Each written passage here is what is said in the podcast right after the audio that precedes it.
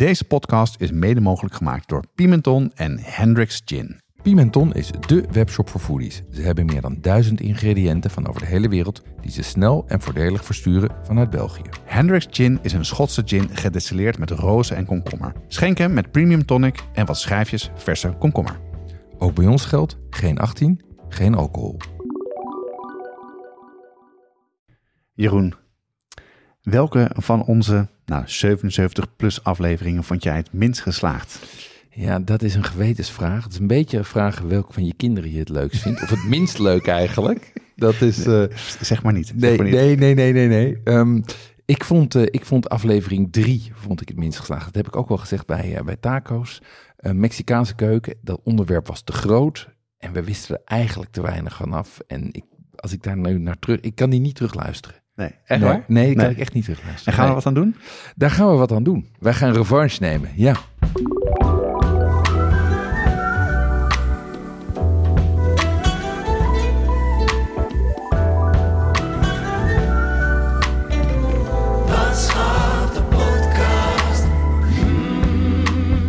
Ja, want we gaan namelijk een bonusaflevering opnemen. En we hebben zo een interview met Rick Martinez. Nou, eh foodies die de Amerikaanse markt, eh foodiemarkt in de gaten houden. Die eh, weten waarschijnlijk wel wie hij is.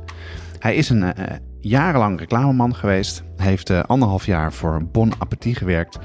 En is uiteindelijk van New York naar Mexico verhuisd. En de reden waar- waarom we met hem praten is dat zijn kookboek Mi Cochina is net in Nederland verschenen.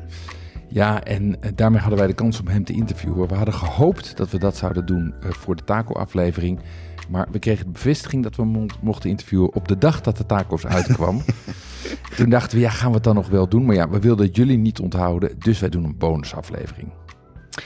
En eh, de bonusaflevering is niet in het Nederlands, maar in het Engels, hè, want hij spreekt geen Nederlands. En we kunnen ook Spaans praten. Zullen we dat doen? jij lekker doen. Sí, cuando quieres, hombre. Jeroen, bij jullie thuis wordt toch veel hot sauce gegeten? Ja, dat klopt. Er staan eigenlijk altijd wel iets van vijf flesjes open. En elke paar weken is er eentje op. Dus dat gaat, eh, gaat behoorlijk hard. Maar waar, waar gebruik je het dan bij? Waar, waar, waar eet je het mee dan? Nou, mijn dochter houdt niet zo van heet eten, maar mijn jongste zoon juist wel. Ehm, eh, dus bij heel veel avondeten kiezen we dan zelf. Eh, Bij taco's, bij kip, bij gebakken rijst, dat soort dingen. Ehm, en overigens ook bij lunch- en ontbijtgerechten. Tosties, gebakken eieren, pizza, alles. Pizza voor ontbijt.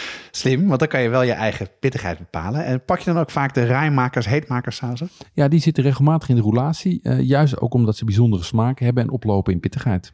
Ja, en wat ik er zo leuk aan vind, ze zijn prachtig vormgegeven. Eh, hoe komen luisteraars aan deze flesjes? Ja, je vindt rijmakers, heetmakers op heatsupply.nl of vraag ernaar bij je delicatessenzaak. So, uh, good morning, uh, Mr. Martinez. Um, Good morning. what did you have? Uh, what did you have for breakfast today? Well, today's breakfast was a little boring just because I was rushing. So, coffee, yogurt, and uh, granola. So that that's a very that's a typical American breakfast. It doesn't sound like a Mexican breakfast, right? No, normally I would be I would be uh, sourcing some fresh mangoes or some papaya, fresh coconut. Um, yeah, uh, and then Sounds good. Actually, yesterday, if we'd recorded yesterday, I had a very, very good breakfast. I had um, refried beans, chicharrones, uh, chorizo, some really beautiful uh, blue corn tortillas. It was a it was a very, very good breakfast. Great. And and do you make those corn tortillas yourself? Those I bought I bought locally. Um, yeah, I don't I don't usually make tortillas just for myself, uh, mainly because I would eat them all, and I would be very very large if I did that. but I love I love blue corn tortillas. I, blue corn is actually one of my favorite uh, types of corn. It has like this really intense, nutty, earthy flavor that you just don't get in the other colors. Yeah. Yeah? So that's that's your choice of the tortillas if you buy them yourself and eat them yourself. Yeah, that's that's the main one. I mean, I typically like the darker colored corn just because I think the the uh, flavor is more intense. Um, yellow corn is also really really good and can also be very nutty. Um, white corn I just don't like. It's to me it's in the in America the equivalent would be sliced white bread. It's just Yeah. boring. No Yeah. taste. And, and we know American bread. No taste. no. Yes. Stay away from American bread. Yes. Hey, Unfortunately, I think all of the world knows American bread. Yeah, Yeah. and it's not good. Hey, Rick, we are very honored that you uh, ha- uh, made time for us to, to talk uh, to us about what you do and where you live in Mexico and, of course, uh, your cookbook. Uh, but how did an ad man ended up in food? Um, you know, interesting question. So I have always loved to cook. So my love of food came from my mother. When I was really young, um, my mom used to pick me up from daycare. Uh, so I was probably around three years old. And um, we'd come home. She would go to her bedroom and change. And I would pull up a chair to the stove and I would climb on the chair and I would just stand there and I would wait for her to come and we would start cooking. And she would just tell me, you know, to stir this pot or to do this. And she would just kind of walk me through every step that she was doing and why she was doing it. Um, occasionally I would taste things, but I was, you know, I was just really interested in what she was doing in the kitchen. And I think so, you know, I, she passed on a lot of technical knowledge, but I think probably the most important thing that she passed on was why she did it. And which is, you know, she cooked to express her love. I think that the the biggest insult that you could have ever paid my mother is to not like her food. Yeah, yeah. You know, yeah. because it it was it came from a place of love. like she didn't she cooked for her family, she cooked for her friends, not many other people, like for neighbors, but it was a special gesture. Like Yeah. if if you know, my we grew pecan trees and peach trees um, growing up, and so you know she would make a peach pie or a peach cobbler and give it to a neighbor because she really loved that person. Sure. and and that just that was something that that was Im- really important to me. And i i actually grew up thinking that everybody did that and realized that no that's not true. Yeah. um, so that that love of food the love of cooking was always with me. And i i tried uh, while i was in college um, i tried to uh, well i interviewed with the culinary institute of america in hyde park and I wanted to go to culinary school, but my parents were like, no, no, no, get a real degree. Don't be a cook. You know, just do this. If you want to cook later, you can do that some other time. Um, so I did, you know, I, I talked to the people at the, at the CIA and, and, um, which is the Culinary Institute. And they, you know, they were like, well, you know, let us know when you're ready. And so I went to, um, I got my degree at, at the University of Texas and then kind of randomly stumbled into advertising. I was actually going to go backpacking through Europe with some friends. We all graduated. And I had another friend who was working at an advertising agency. And she said, Do you know anybody that um, needs a job that can speak Spanish? And I was like, All right, well, I can speak a little Spanish. So sure. I applied and then I got the job. And that was sort of how my 16 year track in advertising started.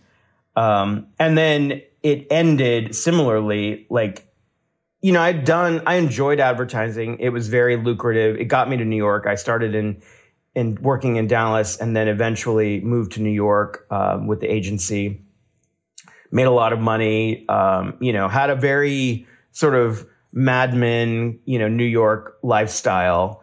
And, and I enjoyed it, but you know, there was a point where I was sitting at my desk thinking about food, thinking about what I wanted to cook, what I wanted to eat, the parties that I wanted to host, the menus that I wanted to create. And everything that I did, I would take classes, I would throw dinner parties, I started a, a photography, food photography blog. All of those things I did to try and like make the this yearning go away and and it it didn't work. and so finally I was like, you know what? I just need to do this and and so you know it it took a long time to decide to do this but finally i was like i'm going to quit my job i'm going to go back to school and and i'm going to just see what happens Yeah. And that turned out pretty good, right? yeah it's uh, pretty pretty much the best thing i ever did And and so you went back to the Culinary Institute of America, or did you start working right away? No, so I decided um, there were three schools that I was looking at. CIA was one of them.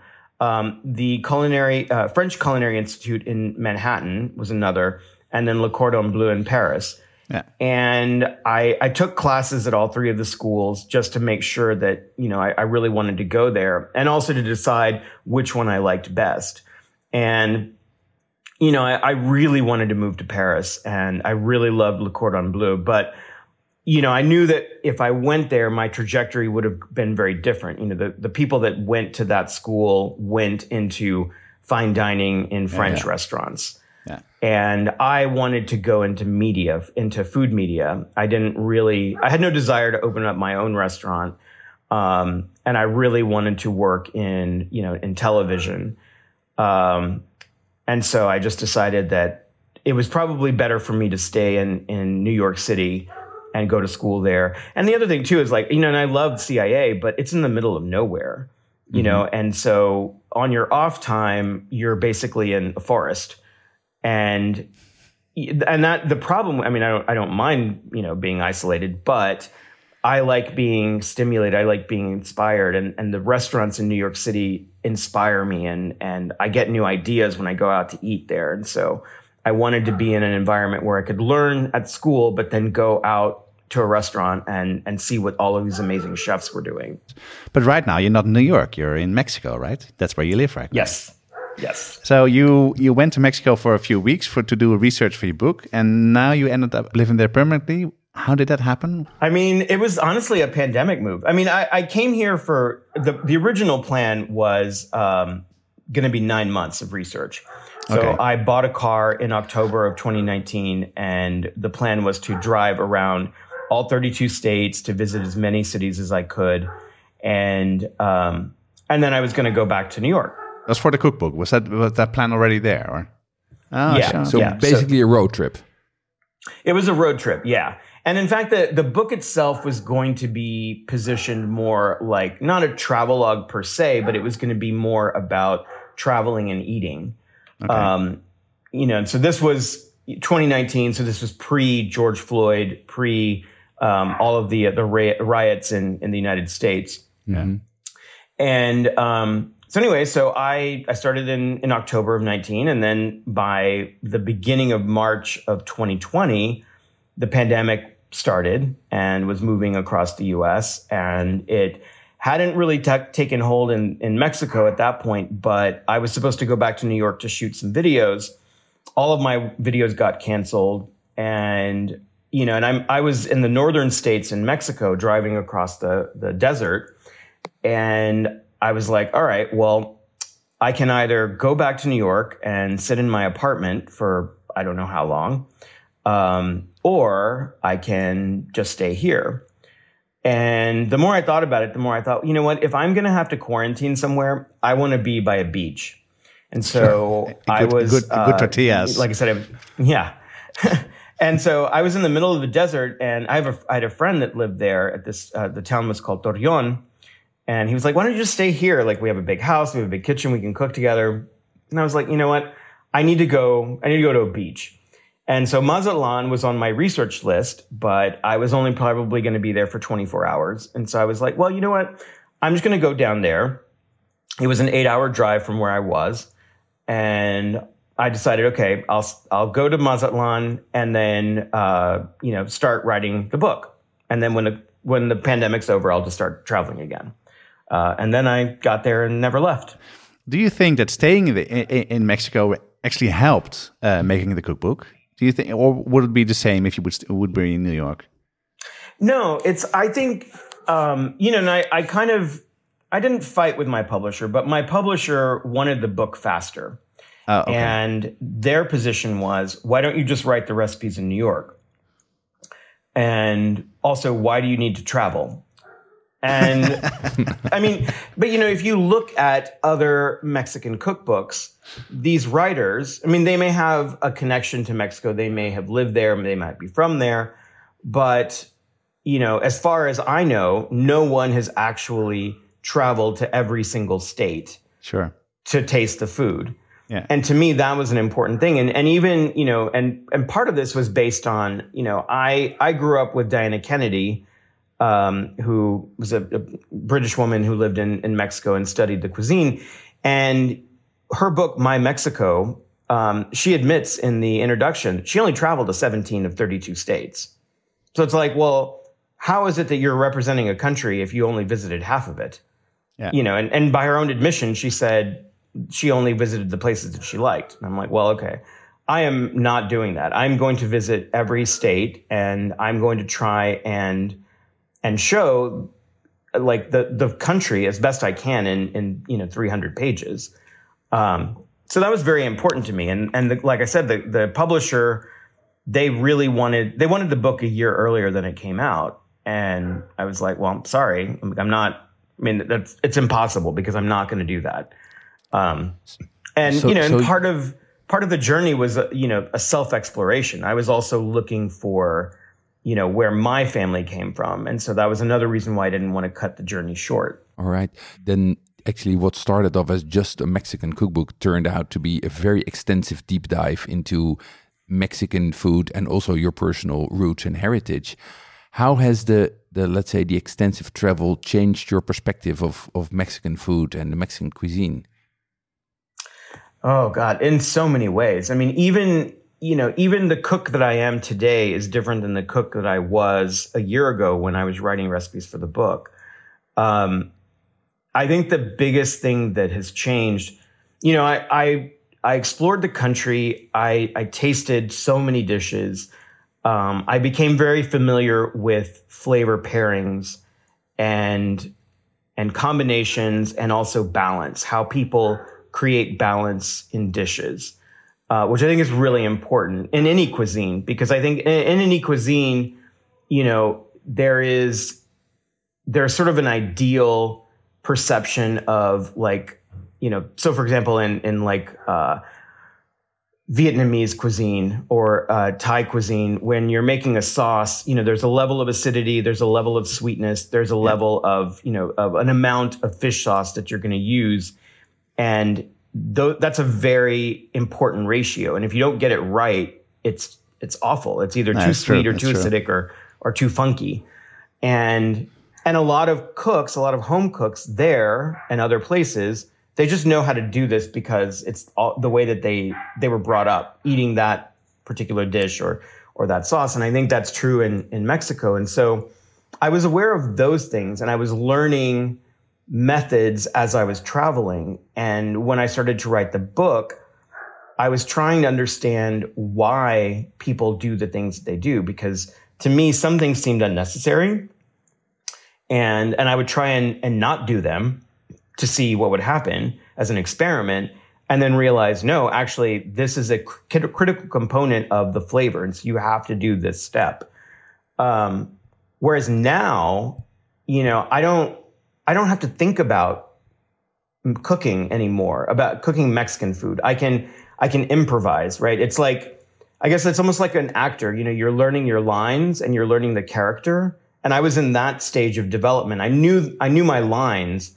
but I don't think I was fully I was fully the character a year ago. Whereas now, I feel like I can fully improvise, right? I can I not not only can I give you my lines, but if you told me to to create a scene without a script, I could totally do that because I understand I understand the flavor. I understand what it means to be a Mexican cook. So, so what you're basically saying then is that to properly understand uh, a, a, a, kitchen, a cuisine, you need to train your palate and align your palate with the local palate, and that takes time. Yeah, yeah, it, it definitely does. You know, like it's not only because I think I think what people do, you know, and I'm I, I'm guilty of this as well. Like, I think you are always trying to make something good to you, right? So um, I might read a recipe of, from someone in Italy, and then I think, well, that's hard to find, or I don't want to use that, or I have this in my pantry, and so now I'm going to do all of these things. Um, but there's a there's a lack of finesse and a lack of understanding and almost therefore respect of that cuisine. When you learn those things, when you actually learn um, why things are done and what things have to be done, um, and then what things you can shortcut. You know, then you're you're treating the cuisine with respect, and then you can you can insert your yourself into that. You know, and then like, no, I don't want to. I, I don't want to use plantains in this mole. I'm going to use a peach, but I know what the plantain does. It it adds acidity and it adds sweetness, and it's typically roasted. So I'm going to roast this peach. So I'm going to, I'm going to insert this ingredient in a way that is respectful of the dish and does the exact same thing that the plantain does, only it's something that I can source locally or that I like better than a plantain or, or whatever. Yeah. And then I, I think that's a better way to, to cook a cuisine. Can, can you give another another example, which is really Mexican that you have learned to master and to to to now easily use? Well, you, you know, it's interesting. You know, you were talking about tacos. I mean, one thing, you know, and I I did this probably most of my culinary professional life. Um, in the U.S., you balance is something that's very important, right? And and I think I think balance is important in every cuisine, but I think it's it's treated differently in the US, Americans love balance in every dish, right? So if you make a stew or if you make uh, an, an entree or a side dish, each component has to be perfect in and of itself. Even though nobody's going to just sit there, I mean, probably somebody will, but like if you make a side dish, if you write a recipe for a side dish, yeah. you as the writer are intending it to be eaten with something else. And sure. probably not a lot of people are going to sit with that bowl of, you know, green beans and just eat them by itself. But you have to make it perfectly balanced and, you know, uh, the textures, the flavors, and all of that. And I tried to do that, or I, I did that with my res- my Mexican recipes pre the book and pre the mm-hmm. research. And you know, and what I found once I got to, to Mexico and started exploring is that a lot of these dishes are not balanced, you know, and so the, the separate, you, the separate things, say, you mean the separate, the right, separate right. dishes. Yeah. Correct. Especially I think with tacos. So if you, if you went to a taqueria and you tasted a lot of the different taco fillings, um, they would be very, very delicious, but they would play heavily in one space, either very meaty or roasted vegetable or, you know, some, some particular area. And on their own, while delicious, they need something else, right? But it's because in a taco, a really good taco is, is a layer. It's just layer upon layer of flavors. So you have, you know, your first layer is this hopefully really good corn tortilla that is going to give you not only a way to carry all the, the filling, but also it's going to give you a nice corn, nutty, toasty flavor.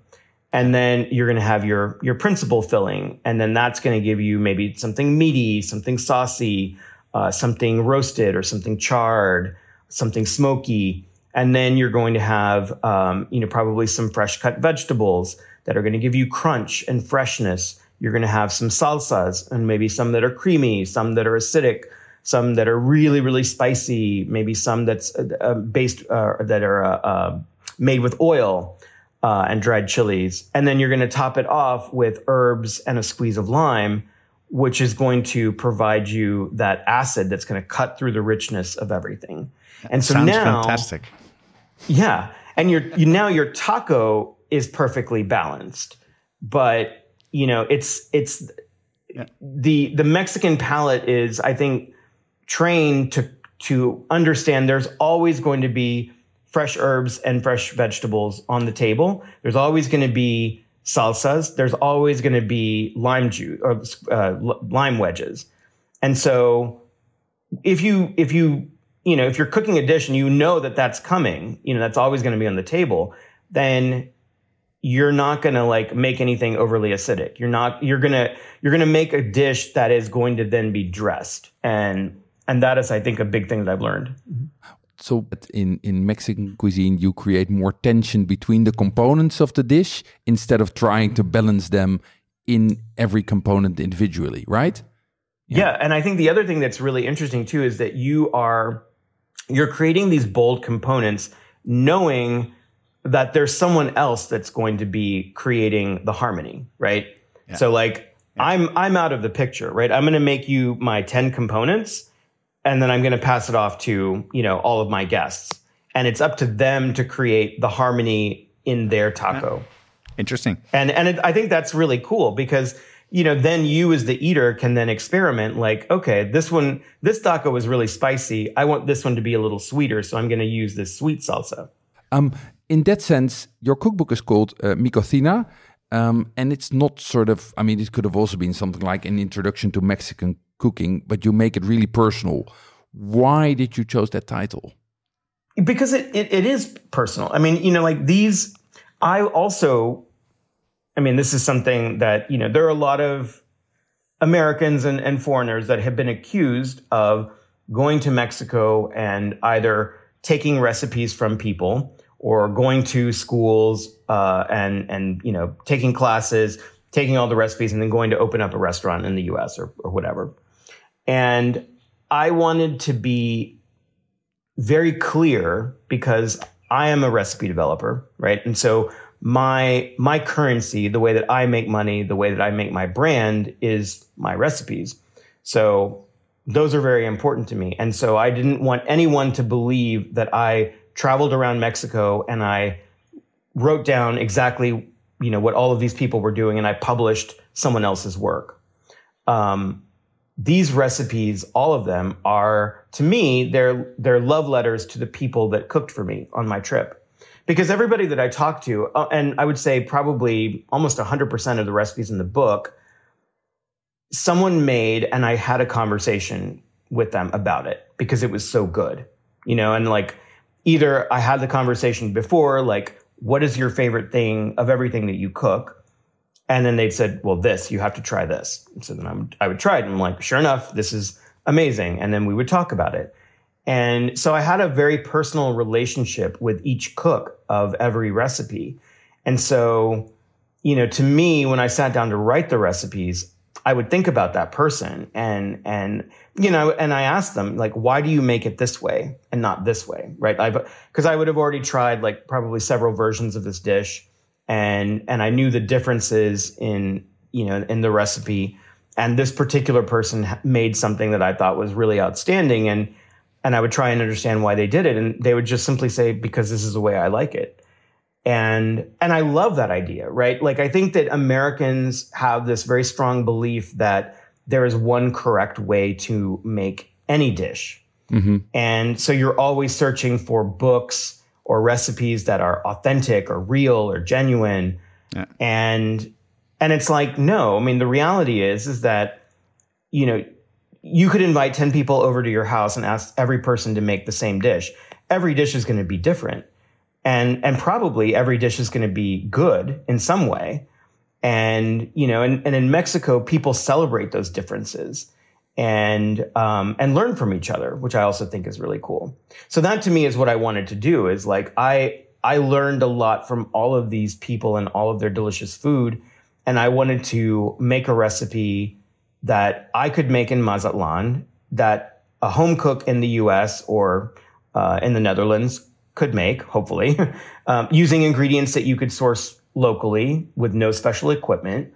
And, you know, and, and that is a very different recipe than the, the actual thing that I ate yeah, in, sure. in the field. And the other thing too is that, you know, you can't, I don't believe that it's possible to recreate food in any foreign country because you know, there are certain things, the terroir of, of a place creates the flavor. And so there were dish, there were recipes that, uh, or things that I ate that had five ingredients, but those five ingredients were, you know, like a freshly slaughtered chicken, corn that was growing in the field, a go- uh, cheese from a goat that they just milked. And it's like, well, I mean, I, no one, unless you have a farm and you're raising and growing all those things, is going to ever be able to create this dish. Sure. You know? Um, so I'm just not even going to bother to yeah, yeah. think about writing that recipe.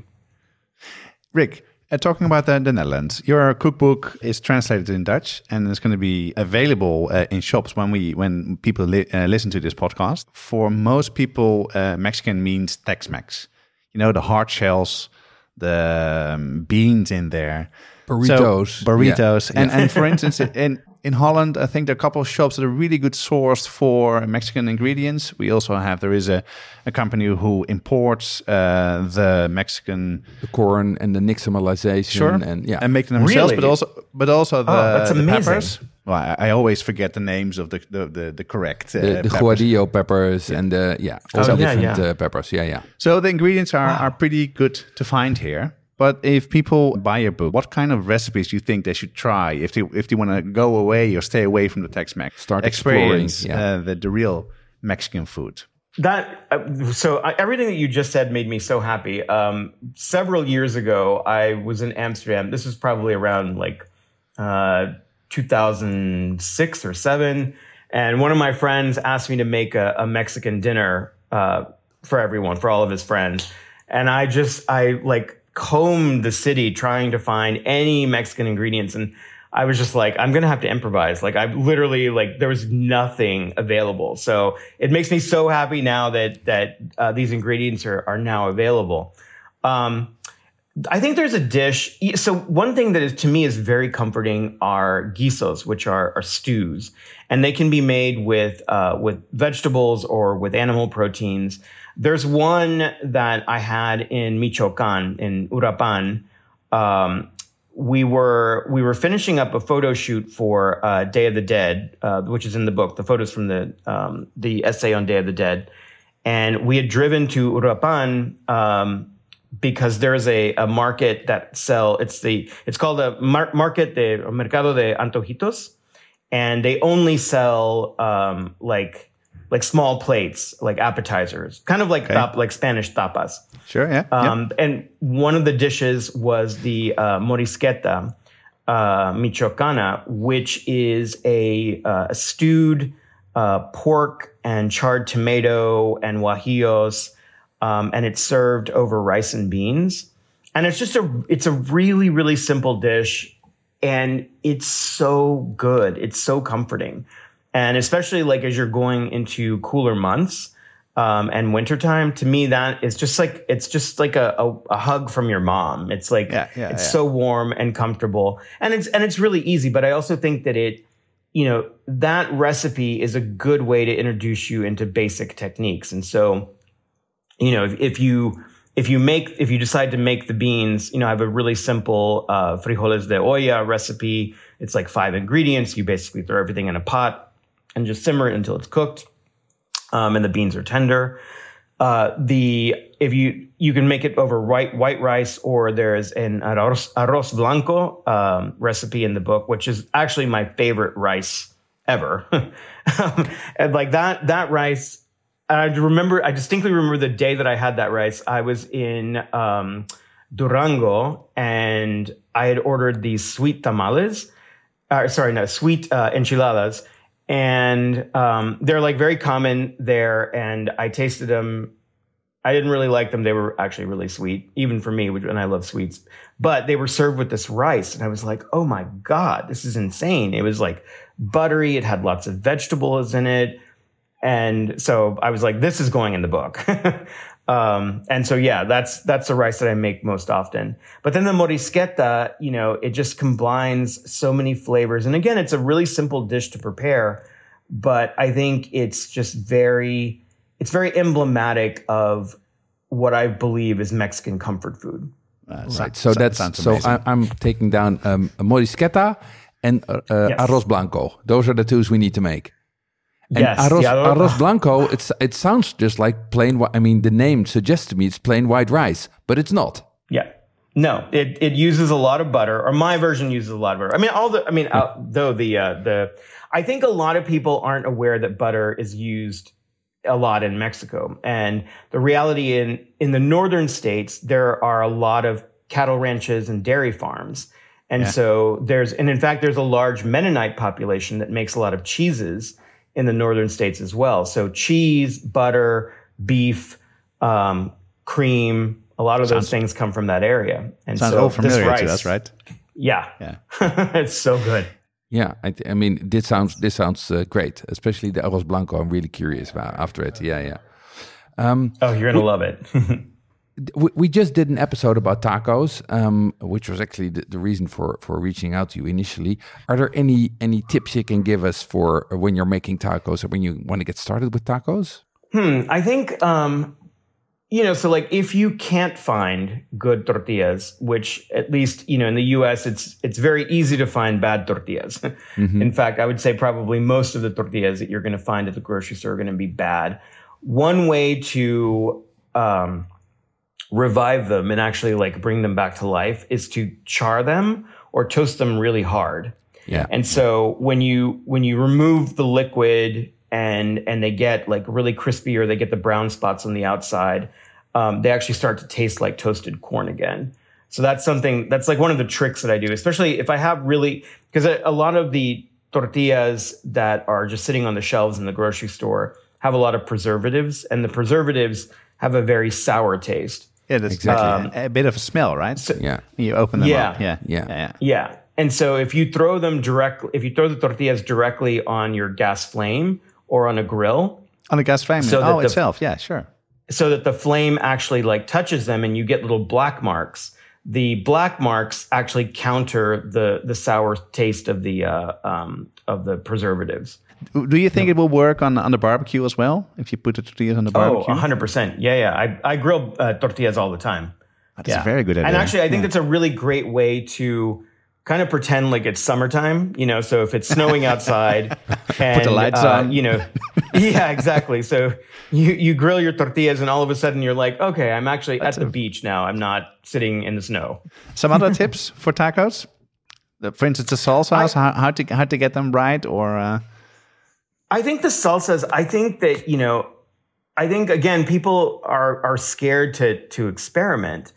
And I personally love putting fruit in my salsas. So oh, if you, you know, substitute out either the tomatoes or the tom- tomatillos for peaches or plums or pineapple or mango or papaya, um, or even just combine the two. So, you know, like I've done uh, watermelon salsas, and you can do watermelon oh, and tomato, or tomatillos and and uh, papaya um, or kiwi. Uh, you know, just have fun with it. You know, if you're going to use something really really sweet, balance it out with a little you know a little tomatillo that has yeah, acidity or a right? little bit of yeah yeah. yeah.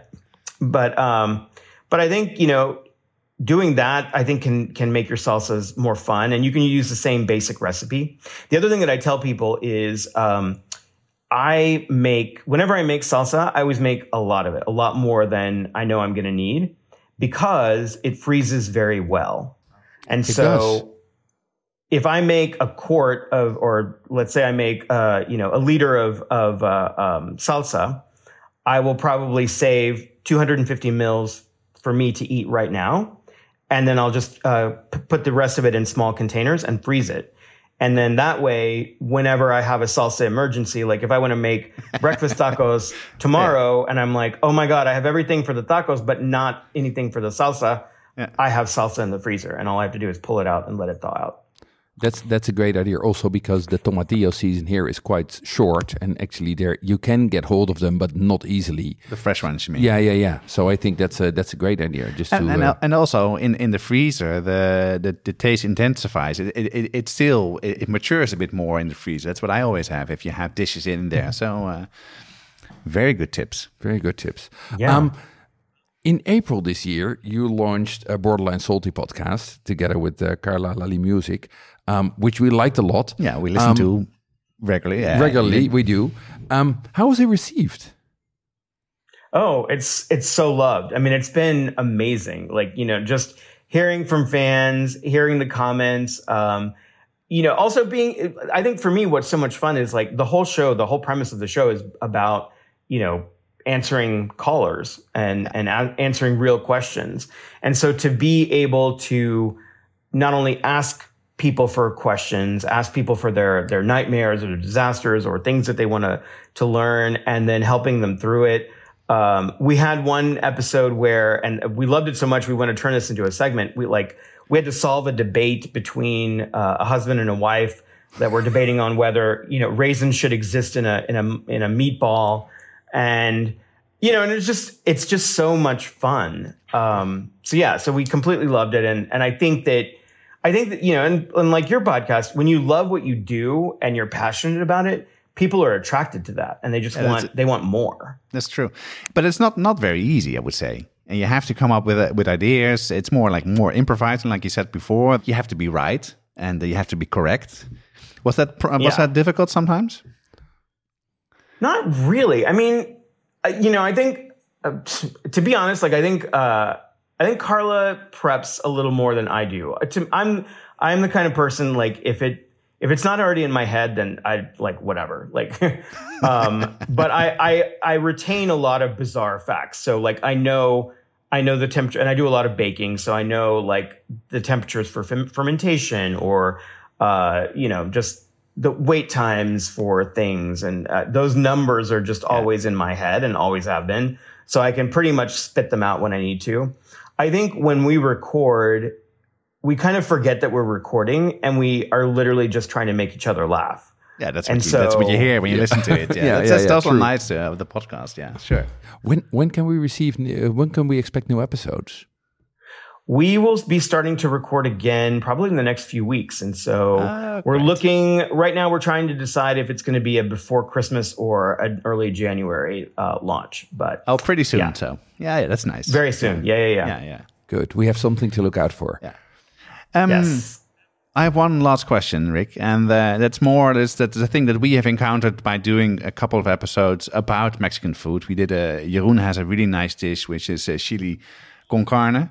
Which is basically a carne colorado, more or less. Ah, then, see. yeah, Okay. yeah, So- yeah, yeah. No beans, uh, only only uh, only um, Chili and meat. Yeah, sure. Yeah. Yay, yay. For us, it's it's it's uh, that's also the nice thing about uh, about doing the podcast, doing the research, and, and learning more. But do you have a could, could you have some uh, some tip tips to end uh, our interview with you for the Dutch listeners who who delve into the Mexican kitchen that they help them to start enjoying Mexican food? Sure. I mean, I think that there are there's some basic techniques that I think are important regardless of what ingredients you have. So, you know, you might not be able to source all the ingredients that are in the book, but I think that, you know, if you can make some reasonable substitutions. I think one thing that's really important is the weight of the dried chilies. Um, because the dried chilies also provide the thickening power for the sauce. So, and and every chili is going to be a different size. So if I, um, and that's the reason why I put gram amounts in the book, because you know if my six chili anchos are probably going to weigh differently than your six chili anchos. Yeah. And so one of the most common comments or questions that I get is, I made your chili colorado and it's really thin or it's really, really thick. And it's like, okay, well, it's probably the chilies that you use. You know, you either used five really small ones or five really big ones. And so if you use the weight, the gram amount that I give you in the book, and you can even swap it out. If I called for anchos and you could only find guajillos, but I called for 27 grams, if you use 27 grams of whatever chili you can find, your sauce will be as thick as my sauce. And so I think that is super, super important. Um, I also think that, you know, one of the, the fundamentals in, in flavor development in Mexican cuisine is charring and toasting and frying. And so right? a lot of my recipes, you'll see, you know, I wrote this like a million times. It's like line a cast iron skillet with foil, put it on high, and then roast your tomatoes, your onions, your chilies, uh, you know, until they're charred on all sides. And and that that's like a it and it makes such a difference. I actually made a a soup, a sopa azteca, a few weeks ago, and I thought I was trying to make it quickly, so I was like, you know what, I'm going to skip this step. The tomatoes were pretty good; they were they had decent flavor, so I was like, all right, I'm gonna I'm gonna skip it and see what see if it works. And um, it was just very flat, like it's it was just completely flat, and you know, and these things, these techniques are done for a reason, and it's sort of like imagine a cake without using vanilla, right? It might Yeah, still yeah. be a good cake, but it's missing something. You're going to taste it and think this isn't right. It's not it's not the way it should be. It's not as satisfying. And it's because there's that back note of charred vegetable, of charred chili, of smokiness. Um, the color is going to be a little bit more dark brick red color.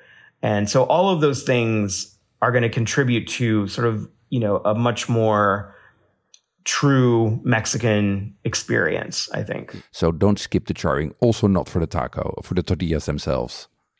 Yes. Rick, thank you very much for your time. Uh, people can buy your book uh, in the bookstore, and we would encourage everybody to do so and to delve into the Mexican cuisine because it's fantastic and it's such such a huge cuisine we just know just a little bit of. So thank you very much. And, and thanks for whetting, whetting our appetite. It's eight o'clock here, so we're really, really hungry now. Thank you so much for having me. And I look forward to being your tour guide to Mexico. Please come down and visit. Oh well, that uh, I'll write that down. Yeah. I'll write that down. And the same goes Yes. for for Amsterdam. Whenever you're in Holland, uh, Let us know. let us know. I will definitely let you know. Thank you. Bye. Bye bye. Thank you so much. Bye. Zo, dat is weer een mijlpaaltje. hè? Een, eh, een interview met iemand uit Mexico. En eh, nou, voor mij een vrij bekende chef die ik erg hoog, hoog heb zitten en graag naar luister en eh, graag eh, van kook. Ja, ontzettend leuk om te doen. En ik ben ontzettend geïnspireerd om ook meer Mexicaanse keuken te gaan doen. En er geen podcast meer over te nemen. Ja, dit was onze bonusaflevering. En eh, volgende week hebben we gewoon weer een nieuwe reguliere aflevering. Deze podcast wordt gemaakt door Jonas Nouwen en Jeroen Doucet. Het team bestaat uit Coriander Straathof, Annie Tazelaar, Paul Veldkamp, Cato van Paddenburg en Jesse Burkunk. En de muziek is gecomponeerd door Nico Bransen en Ton Dijkman en uitgevoerd door Mel en Vintage Future. Tot volgende keer. Hasta la próxima. Zie. That's